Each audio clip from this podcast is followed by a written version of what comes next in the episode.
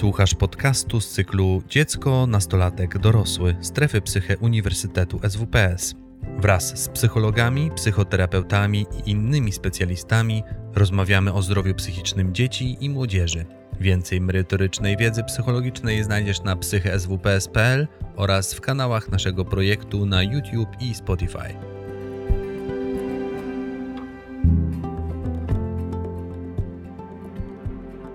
Dzisiaj będę mówił o e, potrzebach jako takim kluczowym elemencie, fundamencie procesu zdrowienia, e, który może być bardzo przydatny w nowym modelu e, wsparcia psychologicznego, psychiatrycznego. Szczególnie pod względem poradzenia sobie z taką trudnością pogodzenia wielu modalności, które funkcjonują w psychologii, w psychoterapii. I wydaje mi się, że właśnie koncepcja e, potrzeb e, tutaj może być takim e, spoiwem łączących specjalistów różnych, różnych modalności a także ten nowy model daje szansę, żeby rzeczywiście zaspokoić e, te potrzeby i w kompleksowy sposób e, tutaj ukierunkować tą pomoc właśnie w tym kierunku. I tak pojęcie potrzeb tutaj e, jest różnie rozumiane i w języku potocznym bardzo często mówimy o potrzebach jako jakimś bardzo silnym wewnętrznym pragnieniu, jakiejś chęci. O potrzebach możemy mówić także w kontekście jakiegoś, jakiejś trudnej sytuacji, jakiegoś braku, często w kontekście sytuacji materialnej. Także o potrzebach mówimy jako o pewnej motywacji, celu działania. Natomiast dzisiaj na potrzeby tej prelekcji e, potrzeby będziemy rozumieli bardziej jako te elementy, które są niezbędne dla prawidłowego rozwoju, dla prawidłowego funkcjonowania, zarówno u dzieci, ale także później u, u dorosłych. I pojęcie potrzeb e, nie jest niczym nowym e, w psychologii, w psychoterapii. Tak naprawdę już od klasyków możemy doszukiwać się jakby tych koncepcji. E, osobiście zawsze podejścia humanistyczne kojarzą mi się z tym takim indywidualnym podejściem e, do potrzeb człowieka, czy takie nazwiska jak Rogers, e, czy hierarchia potrzeb Maslowa, chyba teoria, która jest jedną z najbardziej popularnych także poza środowiskiem psychologicznym, ale możemy wymienić też takie nazwiska jak Fromm z jego potrzebą do nadania znaczenia, sensu, koncepcję osobowości Mureya, E, czy szereg autorów, twórców badań nad e, przywiązaniem e, i, potrzebą więzi. Tutaj przykładem może być Bolby, ale także w bardzo popularnej teorii psychorozwojowej Erika Eriksona możemy zauważyć potrzeby jako ten element kluczowy dla prawidłowego rozwiązania różnych kryzysów psychicznych w różnych stadiach rozwojowych. Tak jak będziemy, e, tak jak ja dzisiaj będę patrzył na, na potrzeby, jak, jak próbuję zaprezentować, to właśnie potrzeby będą tym kluczowym elementem dla prawidłowego rozwoju, prawidłowego funkcjonowania. Ale co ważne, potrzeby są taką właściwością organizmu, której nie jesteśmy w stanie obiektywnie zaobserwować. My możemy o potrzebach tylko wnioskować na podstawie jakichś subiektywnych doświadczeń, przeżyć, czy też na podstawie zachowań, które rzeczywiście możemy zaobserwować. I w momencie, kiedy następuje jakaś sytuacja braku lub nadmiaru, czy pewna, frustra pewna frustracja potrzeby, e, pojawia się informacja e, w umyśle, w organizmie o takim stanie, której zawsze towarzyszy stan pobudzenia. I ten stan ma uruchomić pewne działanie, e, czyli działanie, które ma zmienić sytuację na bardziej korzystną, i to działanie już jest wtedy celowe. Tym celem jest właśnie zaspokojenie potrzeby w jakiś sposób. To działanie może być bardziej lub mniej skuteczne, ale zawsze e, gdzieś zamiarem jest e, właśnie zaspokojenie sfrustrowanej potrzeby.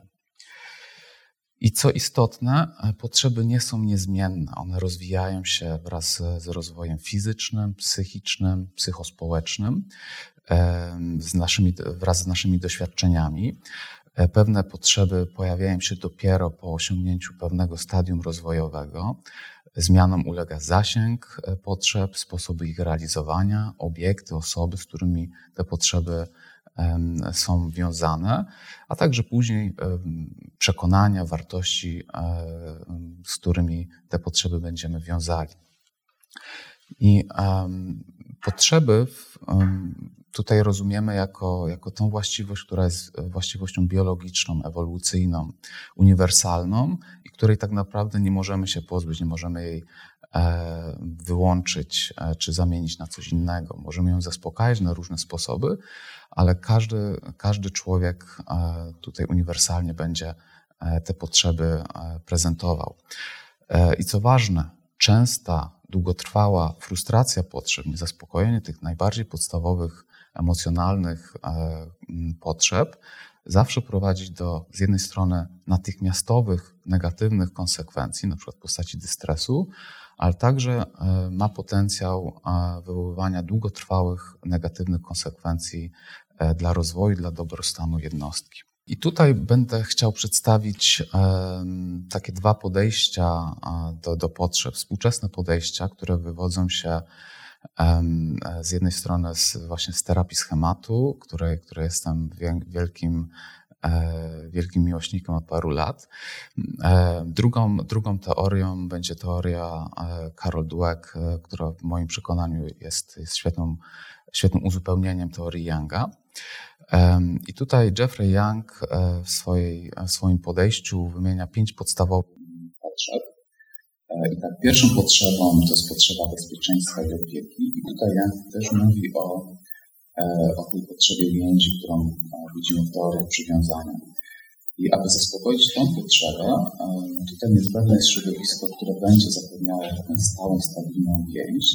Więź, która też będzie się charakteryzowała akceptacją, okazywaniem troski, opieki, zarówno jeżeli chodzi o zarówno jeżeli chodzi o jakieś potrzeby czysto fizjologiczne, ale także właśnie o, chodzi o taką reaktywność emocjonalną, możliwość ukojenia, e, ukojenia stanu emocjonalnego dziecka, ale także ukierunkowania e, i wsparcia e, w dalszym rozwoju. Drugą potrzebą jest potrzeba autonomii, tożsamości i kompetencji. I tutaj niezbędne jest środowisko, które będzie wspierało dziecko w tworzeniu takiego poczucia, że może decydować samodzielnie, niezależnie, może poznawać samodzielnie świat, e, radzić sobie z różnymi trudnościami, także podejmować jakieś złe, decyzje, złe decyzje i, i, popełniać błędy. I na tej podstawie e, tworzyć własną tożsamość e, niezależną, autonomiczną. I tu właśnie pomiędzy tymi dwiema potrzebami bardzo dobrze widać, czyli potrzebą bezpieczeństwa i autonomii, bardzo dobrze widać, że nie możemy tych potrzeb e, traktować rozłącznie, niezależnie. Wszystkie te potrzeby są ze sobą jakoś powiązane, e, bo nie możemy mówić o pełnej autonomii w oderwaniu od e, poczucia bezpieczeństwa i więzi. Czyli pełna autonomia niestety zawsze by prowadziła do utraty więzi. W drugą stronę bardzo, bardzo duże skupienie na, na więzi z jakąś osobą, na takiej bezpiecznej, bezpiecznej relacji, zależnej relacji z kimś, niestety będzie E, prowadziło do e, tutaj deficytów w obrębie autonomii. E, trzecią potrzebą wymienianą przez Younga to jest potrzeba wolności do wyrażania swoich prawdziwych, autentycznych emocji, potrzeb i opinii. I tutaj niezbędne jest środowisko, które będzie właśnie wspierało, będzie akceptowało to wyrażanie u dziecka. I w najlepszym też wypadku, jeżeli samo też będzie e, swobodnie wyrażać e, swoje emocje i swoje, e, swoje przekonania. Tu należy nadmienić, że, że to nie może być tylko środowisko rodzinne, to najbliższe, ono jest szczególnie w pierwszych latach najważniejsze, ale także szkoła czy inne ważne systemy także powinny wspierać rozwój tych potrzeb. Czwartą potrzebą wymienioną przez Younga jest potrzeba spontaniczności, zabawy, radości, czyli ta potrzeba także przeżywania, doświadczania tych pozytywnych stron naszego funkcjonowania. I e, znaczenie tej, e, tej potrzeby możemy widzieć u wszystkich dzieci, które naturalną, mają naturalną skłonność do zabawy, do radości, ale także u zwierząt, które, e, które tutaj bawią się także w zasadzie od narodzin. E, u Younga ta, ta sfera także jest łączona z budowaniem kompetencji, ponieważ także uczymy się poprzez zabawę. I ostatnią potrzebą według Younga jest potrzeba realistycznych, zdrowych granic oraz samokontroli, gdyż brak granic prowadzi do e, środowiska, które będzie nieprzewidywalne, e, które będzie potencjalnie niebezpieczne, a także brak samokontroli takich granic wewnętrznych prowadzi, że nasze własne przeżycia stają się nieprzewidywalne i trudne do poradzenia sobie. Kolejną właśnie koncepcją, tak jak powiedziałem, która w moim przekonaniu bardzo dobrze uzupełnia w wielu miejscach e, koncepcję e, Younga, a wywodzi się z, z takiej większej teorii e, o, o, mm, o, motywacji i rozwoju osobowości, właśnie Karol Dweck, gdzie kluczową rolę mają właśnie pełnić podstawowe, takie wczesnodziecięce emocje. Właśnie jest, jest, jest ta koncepcja potrzeb Karol Dweck, E, która wymienia siedem, e, siedem podstawowych potrzeb. I sześć z nich e, w, taki bardzo łatwy, przystępny sposób możemy odnaleźć u Jeffrey'a Younga. I one bardzo dobrze się na siebie nakładają. Natomiast jednej będzie brakowało u, u właśnie Younga.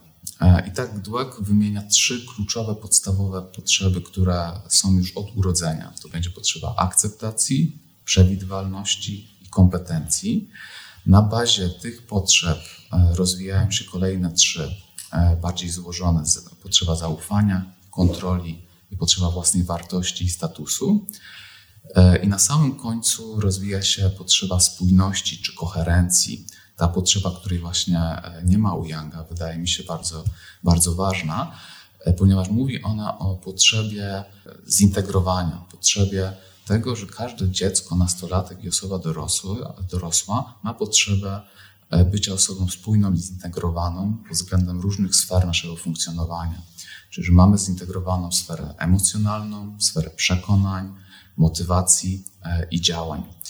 E, u Carol Dweck potrzeba spójności czy koherencji składa się z potrzeby tożsamości i potrzeby także sensu świata zewnętrznego, czyli świat, w którym w którym działam, z którym interaktuję, e, ma dla mnie sens, ma dla mnie znaczenie. Tutaj jeszcze autorzy e, postulują wprowadzenie jeszcze jednej potrzeby, takiej kluczowej, podstawowej, potrzeby sprawiedliwości, gdyż tutaj podkreślają wiele badań, które zarówno u ludzi, jak i u zwierząt pokazują, że sytuacja, w której stykamy się z niesprawiedliwym, nierównym traktowaniem, E, tutaj prowadzi do bardzo silnego e, stresu i silnych reakcji.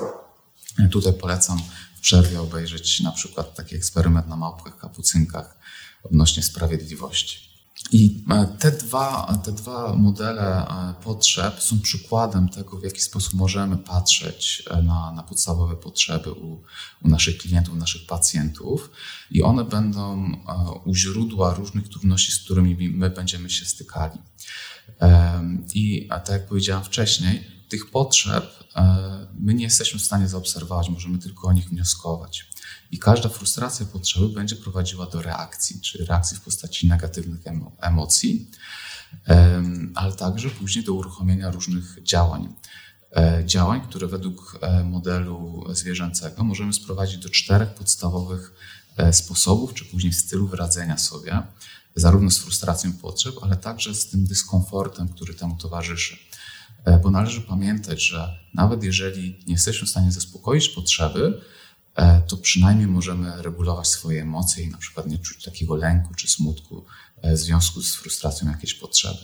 I zgodnie z tym modelem możemy wymienić takie sposoby i style radzenia sobie, jak radzenie sobie poprzez dominację, walkę, asertywność czy nadkompensację czasem, radzenie sobie poprzez aktywne unikanie czy aktywną ucieczkę, poprzez bierną, pasywną ucieczkę, pasywne wycofanie się, odrętwienie, na przykład takie stany jak depersonalizacja czy derealizacja, e, czy takie odrętwienie emocjonalne często łączone jest właśnie z tym sposobem radzenia sobie ze stresem. No i czwartym stylem jest e, radzenie sobie poprzez podążanie, poddanie się czy uległość. E, I my w naszych gabinetach, w kontakcie z pacjentami, z klientami, będziemy mieli do czynienia właśnie z tymi sposobami radzenia sobie, z tymi konsekwencjami e, sfrustrowanych potrzeb. I tu polecam taki eksperyment z kamienną twarzą, który w trzy minuty pokazuje, jak łatwo jest sfrustrować podstawowe potrzeby u niemowlaka i jak w przeciągu dwóch minut dziecko jest w stanie zaprezentować cały wachlarz sposobu zmiany tej sytuacji. Jednorazowa sytuacja nie będzie prowadziła do żadnych długofalowych konsekwencji, jest tylko nieprzyjemna i trudna na ten moment. Natomiast jeżeli sytuacja frustracji potrzeby, tak jak w tym eksperymencie, frustracji kontaktu z, z, z opiekunem e, i i tej takiej bezpiecznej relacji, jeżeli podobne sytuacje będą się powtarzały e, i będą długotrwałe, to wtedy mogą ulec takiemu wyuczeniu, utrwaleniu konkretne sposoby reagowania, reagowania emocjonalnego czy reagowania behawioralnego. I, i właśnie tutaj widzę e, to, to znaczenie i wartość potrzeb, ponieważ e, aktualne stany emocjonalne, psychiczne, z którymi mamy do czynienia, mogą mieć różne źródła. Czyli w naszym gabinecie będziemy widzieli e, tylko to, co jest tu i teraz. E, natomiast e, w związku z długotrwałą jakąś deprywacją potrzeb może dojść do utrwalenia bardziej negatywnych schematów. Tak jak spojrzą Państwo tutaj na ten wykres po lewej stronie i zaczniemy od potrzeb, no to mamy sfrustrowane potrzeby, które następnie są są, czy prowadzą do jakiegoś e, celowego działania, które jest mniej lub bardziej skuteczne, i każde to działanie będzie miało jakąś swoją reprezentację w naszym umyśle. On, ta reprezentacja może być nieświadoma lub świadoma. Im jesteśmy bardziej rozwinięci pod względem poznawczym i językowym, tym nasze reprezentacje ba, ba, będą bardziej złożone i właśnie będą bardziej E, przeżywane świadomie. Tymi reprezentacjami umysłowymi jest takie właśnie budowanie świata w kontekście tym, tych potrzeb. Czyli jakie działania są skuteczne, dlaczego pewne rzeczy się dzieją, co to mówi o mnie, co to mówi o innych osobach, o świecie, czy on jest groźny, czy jest bezpieczny, czy ja jestem wartościową osobą, czy nie, czy mam szansę zaspokoić swoje potrzeby. I na, pod, na podstawie tych reprezentacji umysłowych, jeżeli pewne rzeczy się będą powtarzały, będą wytwarzały się różne bardziej stałe e, reakcje czy stałe e, przekonania, stałe wzorce zachowań, reagowania emocjonalnego, czy nieadaptacyjne schematy, cechy osobowości, czy też różnego rodzaju zaburzenia, które właśnie będą miały ten stały charakter. Ale później w naszym gabinecie czy w różnych sytuacjach będziemy obserwowali tylko i wyłącznie aktualny stan, który może mieć właśnie różne przyczyny.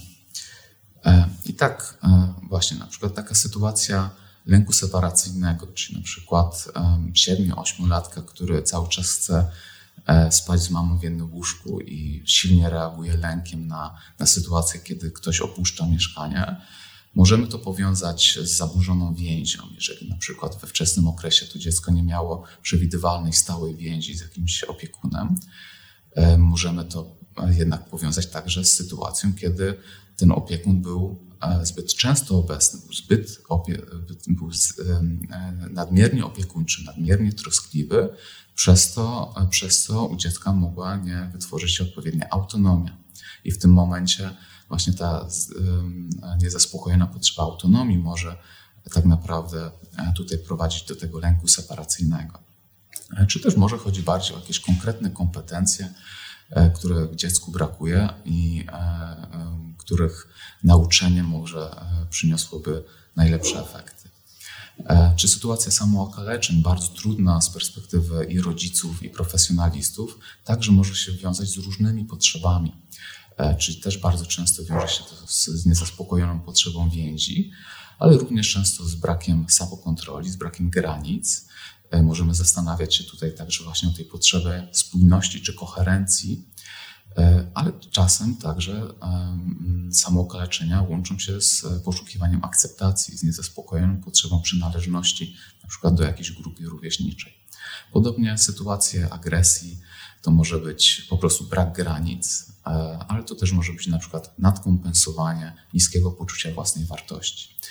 I jeżeli będziemy e, zawsze standardowo podchodzić do, do klientów bez doszukiwania się tego, co, co leży pod zachowaniami czy objawami, z którymi pracujemy, to wtedy możemy tak naprawdę być mniej skuteczni, a czasem nawet potęgować czy utrzymywać jakby trudności.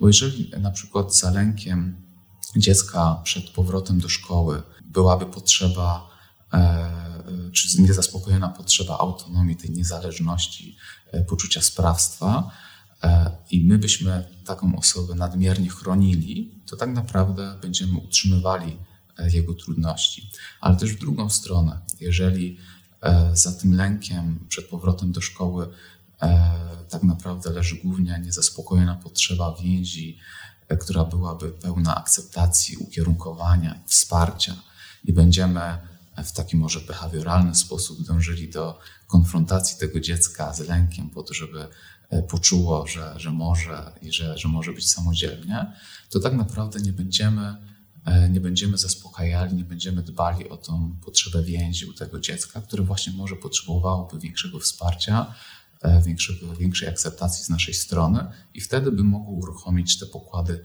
te zasoby samodzielności, które już ma wytworzone. I w myśleniu e, właśnie i w wykorzystywaniu koncepcji potrzeb e, w, w pracy z naszymi klientami i pacjentami, zawsze warto zastanowić się właśnie, jakie potrzeby, jakie niezaspokojone potrzeby wczesnodziecięce leżą za zachowaniami i reakcjami emocjonalnymi, które obserwujemy jakie potrzeby mogą leżeć za bardziej stałymi cechami, czyli kształtującymi się już cechami osobowości, czy jakimiś utrwalonymi wzorcami e, reagowania. Ale myślę, co też jest bardzo cenne i właśnie w tym modelu możemy to robić i e, w modelu tej pomocy środowiskowej możemy to robić e, z korzyścią dla, dla, dla wszystkich stron, to jest także skupienie się na rodzicach i tym, jakie potrzeby także te wczesnodziecięce potrzeby u nich nie są zaspokojone. Jak, jaka interakcja zachodzi pomiędzy potrzebami dziecka i rodziców? Bo jeżeli na przykład opiekun, który miał niezaspokojoną potrzebę niezależności, e, nagle musi e, być tym e, jedynym, najważniejszym opiekunem dla, dla, nowego, dla nowego człowieka, który w pełni jest zależny od swoich rodziców, no to taka sytuacja w bardzo silny sposób będzie frustrowała tą potrzebę niezależności i uruchamiała silne reakcje radzenia sobie, które wtórnie będą wpływały na dziecko. I w modelu środowiskowym e, mamy przestrzeń, e, przynajmniej w założeniu, żeby w lepszy sposób, pełniejszy sposób poznać i dziecko, i cały system, po to, żeby móc później lepiej, skuteczniej oddziaływać i, i tworzyć lepsze plany, plany zdrowienia. Tutaj także możemy tak systemowo na to spojrzeć i także zastanowić się nad, potrzeb, na, nad potrzebami całych systemów, np. systemu rodzinnego czy systemu szkolnego, gdzie taka jedna z podstawowych charakterystyk, która często jest pewnym wyzwaniem w pracy, to jest ta potrzeba właśnie koherencji, spójności. Każdy system też dąży do, do zachowania status quo, więc przydatne jest także to, żebyśmy mieli to na uwadze, jakie potrzeby systemu jako całości tutaj e, mogą e, być ważne w, w interwencjach, które będziemy wprowadzali. No i ostatecz, ostatnim takim, takim punktem, na którym myślę, że warto zawsze uważać, to jest zastanowienie się właśnie nad naszymi interwencjami jako profesjonalistów, czy to terapeutów, czy innych, in, inne osoby, które będą pracowały w tym złożonym procesie zdrowienia. E, po to, żeby właśnie nie utrzymywać e, czy nie pogłębiać różnych niezaspokojonych potrzeb i żeby nasze oddziaływania były jak najbardziej efektywne. Czyli żebyśmy z jednej strony e, tutaj zajęli się tym, co jest tu i teraz, ale mieli z tyłu głowy, czego osoba tak naprawdę potrzebuje długofalowo, czego system potrzebuje długofalowo, jak możemy nauczyć osoby, najważniejsze osoby systemu, żeby, to, żeby były osobami, które też będą dbały i zaspokajały te potrzeby e, dzieci czy, e, czy młodzieży. Czyli musimy z jednej strony patrzeć nad tym aktualnym komfortem dziecka, naszych klientów, naszych pacjentów, ale musimy też pamiętać, że nie wszystkie chęci nie wszystko, co chcemy i co nasi klienci będą chcieli, jest tym, czego potrzebują. I tutaj zawsze warto wtedy wrócić do, do tych potrzeb, bo gdzieś moim w moim przekonaniu to może być taka bezpieczna przystań, do której możemy zawsze wrócić wtedy, kiedy myślimy o naszych klientach, naszych pacjentach, kiedy konceptualizujemy przypadki, albo kiedy po prostu mamy wrażenie, że stanęliśmy i że różne interwencje, które powinny być skuteczne z jakichś powodów, nie działają. E, cenne niestety właśnie e, zwrócenie się e, ku niezaspokojonym potrzebom i zastanowienie się, czego tak naprawdę ten system czy te osoby najbardziej by potrzebowały od nas E, wtedy zwykle łatwiej jest o, o takie bardziej kreatywne, nowe, nowe spojrzenie na te trudności, które, e, które teraz mamy. I właśnie koncepcja potrzeb jest taką, którą myślę, że możemy znaleźć w każdej modalności, i, i to może być um, ten punkt e, konceptualizowania naszych pacjentów, naszych klientów, który pomoże nam właśnie w taki sposób zintegrowany E, łączyć e, specjalistów różnych modalności czy różnych, e, różnych zawodów. I to jest właśnie jedna z korzyści, którą widzę w, właśnie w stosowaniu tych koncepcji potrzeb, teorii potrzeb jako, jako fundamentu procesu zdrowienia. Daje ona nam dużo lepsze zrozumienie dziecka, nastolatka i całego jego systemu dzięki czemu także mamy szansę na lepszą konceptualizację i bardziej skuteczne e, plany zdrowienia. Dzięki takiemu zindywidualizowanemu e, podejściu e, zwykle także uzyskujemy dużo większą współpracę, zarówno u naszego bezpośredniego pacjenta, klienta, jak i właśnie u, u jego środowiska. Dzięki koncentracji na, potrzebom, na potrzebach łatwiej też jest nam zachować pozytywny język i pozytywną komunikację. Łatwiej jest unikać etykietowania, e, unikać żargonu medycznego. Łatwiej też jest wprowadzać różne interwencje, które będą e, bardziej przystępne e, dla rodzin, bo możemy mówić o, o po prostu o naturalnych skłonnościach do, do tego, żeby zaspokajać potrzeby. Możemy uczyć E, tego, w jaki sposób to robić zdrowy, właśnie, żeby to było zdrowe i, i adaptacyjne. E, mówimy o pewnym rozwijaniu, o pewnych zachowaniach pozytywnych, a nie tylko skupiamy się na zachowaniach, które są niechciane, niepożądane, które musimy zmienić, albo jakichś e, zaburzeniach. I także z perspektywy profesjonalisty, który, który jest także narażony na wypalenie zawodowe, który też reaguje jak każdy inny człowiek, pamiętanie o tym, że pracując z dzieckiem albo z osobą dorosłą w otoczeniu tego dziecka, która prezentuje właśnie szereg zachowań, które też są trudne dla nas w odbiorze, i pamiętanie o tym, że, e, że w tych osobach też jest takie małe dziecko z niezaspokojonymi potrzebami, często pozwala e, na to, żeby utrzymać e, w sobie taką postawę pełną empatii, zrozumienia i akceptacji dla tych osób i, i być po prostu e, bardziej skutecznymi e, w, w pomaganiu i także zadbać o swój dobrostan psychiczny. Dziękuję bardzo za uwagę.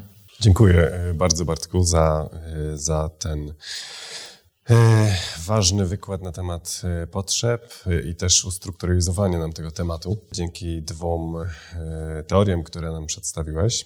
I cieszę się, bo już słuchając Ciebie pomyślałem sobie, że tak, to będzie dzień, w którym myślę, że, że skorzystamy e, i osoby pracujące z dziećmi, młodzieżą i, i, i wiem, rodzice e, skorzystają na pewno w dużym stopniu, e, bo to jest ten temat, który, który jest ważny. Ja to też poczułem słuchając Ciebie, że, że to, jest, to jest taka baza właściwie. E, I to do mnie do, dotarło. E, I taka baza, którą możemy wykorzystywać wszędzie, w, w każdym momencie, czy to do, u dorastających, czy też e, u osób już w dojrzałym wieku, żeby rozumieć też, co się, co się dzieje, a również i w nas. Pojawiło się, myślę, że nie, nie będę Ci komplementował, bo, bo, bo tutaj są, się pojawiły komplementy. Między innymi pani Anna Kucińska napisała świetna prezentacja Zwłaszcza ta część o potrzebach przydałaby się dla wychowawców przedszkolnych oraz nauczycieli. E, także taki, taki jeden komentarz Tobie przeczytałem. Zadam Tobie pytania, które, które się pojawiały. E, nie wiem, od którego zacząć. Dobra, zaczniemy od pani Anny Nowickiej. Pan e, doktor mówi o potrzebach. Jestem 50-latką i czasem zastanawiam się nad tym, czy potrzeby obecne dzieci nie są zbyt ważne. Mam czasem wrażenie, że wychowywane są na zbyt roszczeniowe. Nie, nie są zbyt ważne. Myślę, że tutaj jest, jest ten, ten problem, który się często pojawia e, właśnie tych, e, ustabilizowania tych potrzeb. Czyli jakbyśmy wrócili do, do tych pięciu potrzeb Younga, tam jest ta piąta potrzeba, którą właśnie, e, którą czasem, o której czasem zapominamy. Czyli jedni, jedni nie pamiętają o, o tej potrzebie, potrzebach wolności, swobody, inni często zapominają o tej piątej potrzebie bezpiecznych, zdrowych granic. Więc tutaj najważniejsze jest to, żeby te potrzeby były zaspokajane w sposób optymalny, zrównoważony. O tym, o tym zapomniałem powiedzieć, e, bo tutaj przy, przy zaspokojeniu potrzeb, potrzeb nie możemy uciec od, od, biologii, czyli tego, że każde dziecko ma swój własny temperament, swoje własne także biologiczne uwarunkowania, więc to w jaki sposób będzie przeżywało te potrzeby, też jak bardzo będzie w stanie sobie mm, radzić z frustracją tych potrzeb jest kwestią bardzo indywidualną. I tutaj e, te, te, cechy biologiczne także będą odgrywały i później w interakcji ze środowiskiem będziemy mieli dopiero rezultat. Ale na pewno nie mówimy za mało o potrzebach. Myślę, że, że w drugą stronę to, to, to może być czasem taki przykład, że myśląc o dzieciach i o potrzebach dzieci, nieraz zapominamy właśnie też o potrzebach e, dorosłych. A to, nie, to też nie jest ta, ta strona. Czyli, że, że mamy, mamy jako ludzie często tendencję do takiego myślenia czarno-białego, czyli albo jedna strona, albo druga strona. Tu chodzi o to, żeby to, to gdzieś wyrównać. I um, każde dziecko potrzebuje z jednej strony swobody i zabawy. E, I tak jak mówiłem, na przykład o tej potrzebie e, autonomicznego poznawania świata, ale to musi być robione w sposób bezpieczny, czyli ta reakcja opiekunów później też nauczycieli, musi być też dostosowana zawsze do aktualnych możliwości dziecka. Bo nie można puścić dziecka po prostu samopas e, i, e, i, i cieszyć się, że budujemy jego autonomię, jeżeli ono będzie wtedy w dużym zagrożeniu, bo też potrzebuje tego, tego bezpieczeństwa. Ale tutaj, tutaj Pani mówiła o swoim, o swoim wieku. E, tu myślę, że, że to jest także piękny wiek, jak każdy inny, także to, po to, żeby zadbać o swoje potrzeby, nawet w tym wieku. I myślę, że to się nie wyklucza e, z i większą koncentracją w dzisiejszych czasach na potrzebach e, dzieci i młodzieży. A musimy, patrzeć, musimy pamiętać o, każdych, o każdej z potrzeby. Nie? Często mamy tendencję do wybierania tych, które jakoś są nam najbliższe. Tak się zastanawiam też, czy istnieje taki, mm, taki rodzaj trendu a propos tego myślenia czarno-białego, mhm. o którym powiedziałeś, że y, mamy taką umiejętność, znaczy nastąpił w naszym wychowaniu naszych dzieci taki switch w, w którymś momencie. Mhm. Y, I, I tak jak no jeszcze, że tak powiem, w, moim, y, w moich czasach, jak ja byłem dzieckiem, no to zaspokojenie wszystkich potrzeb i zach, zachcianek, że tak powiem, to, to, to nie było zbyt preferowane w, w społeczeństwie. Tak, tak w pewnym momencie za, zaczęto mówić o tym, że, że być może to właśnie poszło w drugim kierunku. Mhm. Myślę, że pod wieloma względami tak, tak było, czy, czy nawet jak, jak bardzo takie kontrowersyjne, um, um, często źle rozumiane um, mówienie o, o tym wychowaniu jakby bez, bezstresowym e, i, i łączenie to z przemocą. No to nie o to chodzi.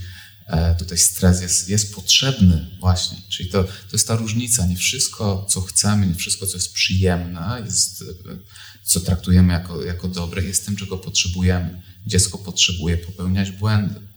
E, więc jeżeli także potrzebuje popełniać porażki, ważne jest to, żeby um, um, po takich sytuacjach nie było odrzucane.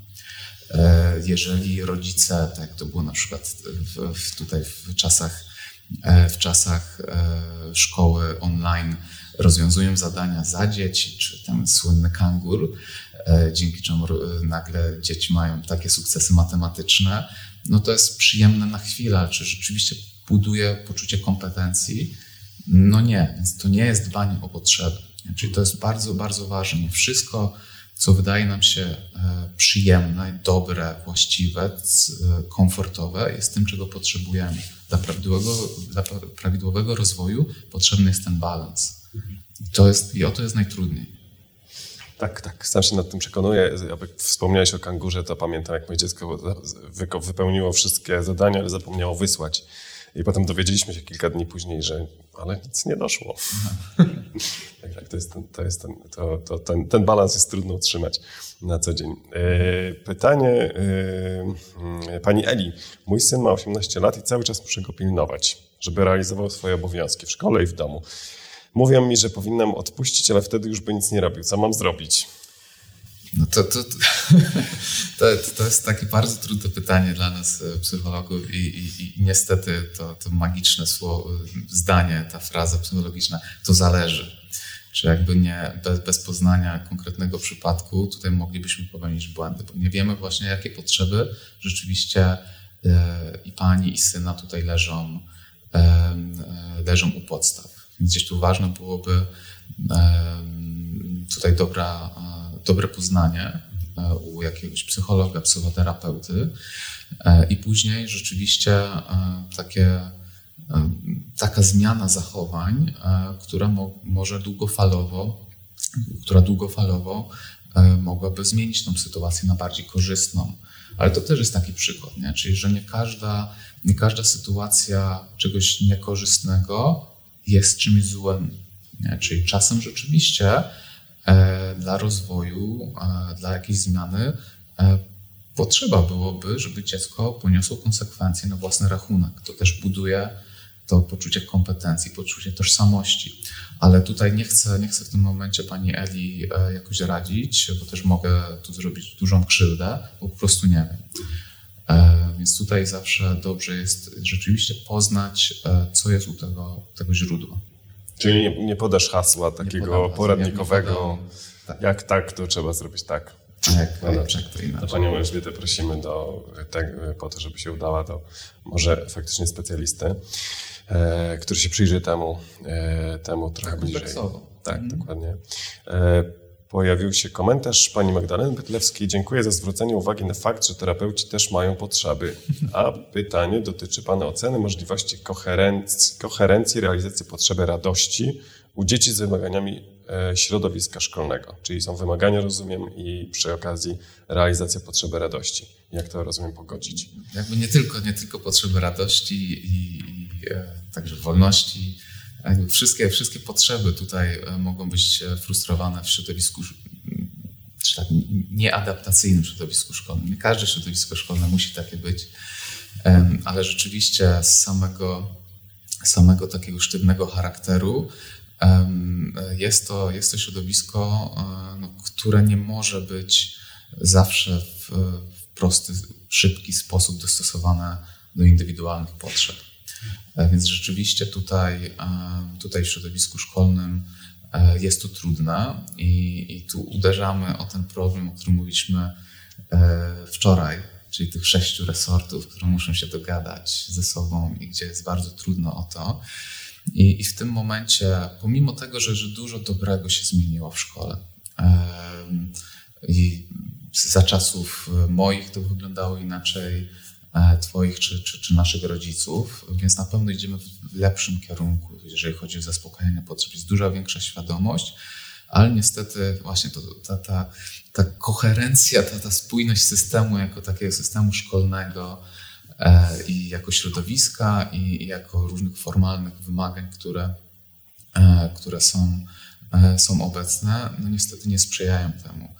I widzę tutaj no, przede wszystkim no, pracę u postaw, czyli e, jeżeli, jeżeli e, pracowalibyśmy w tych centrach tego pierwszego rzędu, pierwszego stopnia referencyjności, czyli teoretycznie przynajmniej pracowalibyśmy bardzo lokalnie, to wtedy jest szansa rzeczywiście zrobić dobre, czy nawiązać dobrą współpracę i jakby stworzyć relacje z, ze szkołami z regionu to wtedy jest do wykonania. Tylko, że jest to mrówcza, mrówcza praca. Czy jest szansa na systemową zmianę? E, nie wiem. Gdzieś osobiście bardzo obawiam się, powrotu dzieci do szkoły, może jakieś moje potrzeby tutaj, tutaj się uruchamiają. Z tego względu, że, że gdzieś bardzo naturalną reakcją dorosłych jest próba nadrobienia i, i znowu poczucia sprawstwa, poczucia siły, kontroli czy to na poziomie nauczycieli, czy też na poziomie systemu. Bardzo gdzieś się obawiam tego, żeby po tym długim okresie, który był bardzo stresujący i frustrował wiele potrzeb i u dzieci, ale także u, u nauczycieli, że będziemy chcieli teraz właśnie językiem potrzeb, bym powiedział, nadkompensować to wszystko, co się, e, co się wydarzyło i różnego rodzaju zapowiedzi e, e, polityczne, no niestety powodują, że gdzieś obawiam się, że rzeczywiście taki kierunek e, może być, e, e, że, że możemy pójść w tym kierunku i to na pewno byłoby szkodliwe i dla dzieci, ale także dla nauczycieli, którzy, którzy też zasługują na to, żeby, żeby docenić ich tutaj wysiłek i to, że naprawdę musieli stanąć przed bardzo trudnym, trudnym wyzwaniem. I nie ma, nie ma tutaj nic złego w tym, żeby przyznać się, że, że było ciężko, było trudno, nie wszystko wyszło tak byśmy chcieli, ale to nie znaczy, że teraz musimy robić rewolucję albo zapomnieć, że to się e, wydarzyło. Więc tak, tak podsumowując, mam nadzieję, ale jestem sceptyczny, jeżeli chodzi o tę szansę e, tej koherencji, tej spójności pomiędzy tymi twardymi systemami, e, na przykład oświaty, a, a tą możliwością zaspokajania potrzeb. Rozumiem, że jesteśmy E, na drodze wypracowywania takiej, takiej ewolucji, że tak powiem, wypracowywania tego, e, tej koherencji powiedzmy między systemem edukacji e, a, a, a systemem zdrowia psychicznego tak naprawdę, bo to jest o czym doktor Mourafiński mm, wczoraj dokładnie. mówił. Dokładnie. Znaczy, prawda jest też jest taka, no, że system oświaty no, też, też tak naprawdę uderza w bardzo ważne potrzeby dziecięce, czyli potrzeby kompetencji, więzi rówieśniczej, czy, czy właśnie tworzenia swojej tożsamości, czy, czy właśnie granic. Więc to nie jest tak, że, że, że, że tu nie ma szansy tak naprawdę. Chodzi o to, w jaki sposób to się robi, że jest to duża wartość. Wszystko zależy od tego, jak, jak, jak, tego, jak to wykorzystujemy. Mhm. Osobiste pierwsze doświadczenia z pierwszych dni e, w, ze szkoły moich dzieci, e, że mam wrażenie, że nauczyciele wiedzą, co robią. Mhm. E, być może ustawodawcy w tym naszym systemie mniej wiedzą, ale mam wrażenie właśnie przynajmniej na tym przypadku, oczywiście nie jest to statystyka z kilkuset szkół. E, Żeby przynajmniej ustawodawcy nie przeszkadzali nauczycielom. Tak, tak, tak, tak. Nie, nie, nie, my, nie, tak. muszą pomagać, ale niech nie przeszkadzają. Może tutaj pandemia jest jakimś takim wytrychem, że można hmm. też robić więcej. E, albo nie musi się robić tego, co jest narzucane, ale, ale mam wrażenie, że, że jakby to jest jakoś tam e, realizowane i, i, i nauczyciele patrzą przynajmniej na to, że, że, no, że tym dzieciakom teraz nie można nadrobić wszystkiego, co straciły przez ileś tam miesięcy, tylko jakoś trzeba elastycznie podejść do tego. Mam nadzieję, że tak się dzieje też, e, też w innych szkołach, że ta, ta szkoła, o której mówię, nie jest przypadkiem. Pani Jolanta Kaźmierczak pyta, mówi tak, sporo pracuję z młodzieżą i rodzicami e, nad różnicą między chcę mieć, a potrzebuję. Proszę o komentarz. To właśnie to jest różnica czy bardzo często używamy zamiennie tych, tych rzeczy, nieraz, nieraz manipulacyjnie mówimy o swoich potrzebach, kiedy, kiedy tak naprawdę to jest coś, co, co mogę mieć, a nie muszę. Dlatego, dlatego też, też w, tej, w tej prezentacji nie skupiałem się na, na, na, potrzebach w tym rozumieniu różnych braków, pragnień, które, które są, które też nie wiążą się z jakąś sferą społeczną, e, ale na tych podstawowych, kluczowych, wczesnodziecięcych potrzebach, bo do tego wszyscy możemy się jakoś odnieść i czy rzeczywiście e, posiadanie najnowszego iPhone'a e, to jest potrzeba. Nie, to jest chęć. Natomiast pytanie, co, co na przykład ta chęć wyraża, jaką potrzebę wyraża. Czy może rzeczywiście być taka sytuacja, że, że dziecko jest w środowisku, gdzie bez tego nowego sprzętu jest wykluczone i wtedy należałoby zadbać o tą potrzebę, o tą potrzebę więzi rówieśniczej, czy, czy potrzebę e, własnej wartości, która może być budowana która może być budowana e, na, e, także na, na tych zewnętrznych takich, e, takich wyznacznikach. Natomiast jeżeli z drugiej strony skupili, skupilibyśmy się na, na, rozwydrzonej młodzieży i że teraz wszystko im się należy, no to też robimy wielką krzywdę, ale właśnie powrót do tych potrzeby, czyli co wyraża ten, ten, ten iPhone, czy, czy cokolwiek innego z tej, tej chęci, która, która jest wyrażana, co tam się kryje. I tak samo z drugiej strony, mm, w Polsce, w Polsce nie mamy chyba aż, aż tak dużego problemu jeszcze, jeszcze z tym. To jest bardziej, bardziej popularne w Stanach, czyli ci rodzice, którzy krążą krążą nad, nad, nad, e, nad swoimi dziećmi jeszcze długo, e, długo w okres wczesnej dorosłości i, i, i próbują e, zadbać o to, żeby żaden, żadne złe rzeczy, złe czy nieprzyjemne się, się nie zadziały. No to, to jest naturalne, że w momencie, kiedy, kiedy takie dziecko zostanie skonfrontowane z rzeczywistością, to się boi i nie chce. I to jest lęk. Lęk prowadzi do unikania. Nie chcemy, nie chcemy czuć lęku ale tutaj niestety potrzebą e, tego, tego dziecka byłoby właśnie konfrontacja z tym lękiem, po to, żeby rzeczywiście mogło poczuć się w końcu wolne, kompetentne, e, bo tylko wtedy przestanie się tak naprawdę bać, czyli kiedy damy mu szansę e, poradzenia sobie z tymi trudnościami. Więc to jest ta, bardzo trudna, trudne rozróżnienie. Dlatego właśnie nawet, nawet myśląc o, o osobach dorosłych, polecam powrót do tych wczesnodziecięcych, e, wczesnodziecięcych e, potrzeb. One nam w piękny sposób redukują cały szum, który, który jest, e, który się pojawia, czy, czy to właśnie taki szum medialny, czy szum naszych reakcji, naszych przekonań o wychowaniu, a, a schodzimy do tego, co jest najbardziej bazowe. Mhm. Czyli znowu brak jednej dobrej recepty. Tak, niestety. Tylko trzeba indywidualnie e, przyjrzeć się potrzebom, które stoją za ewentualnym chcę mieć. E, dziękuję Państwu e, za pytania i komentarze. Panu doktorowi jeszcze raz dziękuję za, za ten ciekawy wykład.